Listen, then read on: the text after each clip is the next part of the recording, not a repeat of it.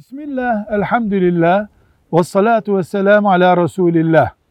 Tatavvu bir fıkıh kavramıdır. Nafile, sünnet, mendup, müstehap hemen hemen aynı kavramı ifade ederler. Bu işi tatavvu olarak yapıyor demek, farz değil, vacip değil, buna rağmen yapıyor demek. Nafile de diyebiliriz, sünnet de diyebiliriz, mendup da diyebiliriz, müstehap da diyebiliriz aralarında hafif aşağı ve yukarı kavram farkları olmak üzere. Peki toplam bunların hepsinin karşılığı ne? Karşılığı şu. Farz değil, vacip değil.